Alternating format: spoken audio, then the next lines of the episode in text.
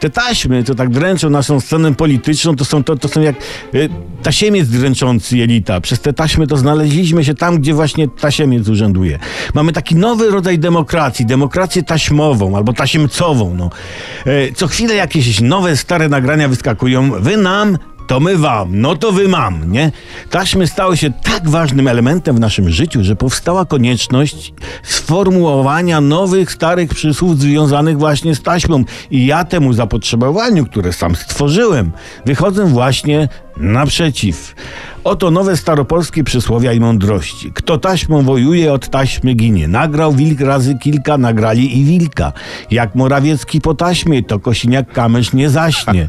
Nagranemu diabeł karierę kołysze. Taśma uświęca środki. Co ptakiem z taśmy wyleci, wołem nazad nie wciągniesz. Człowiek człowiekowi taśmą. Człowiek nagrywa, Pan Bóg taśmy nosi. Lepsza taśma w ręku niż magnetofon na dachu. Wszędzie dobrze, ale na taśmie najgorzej. Żeby kuska nie gadała, to by taśma nie nagrała i tak dalej, i tak dalej, etc.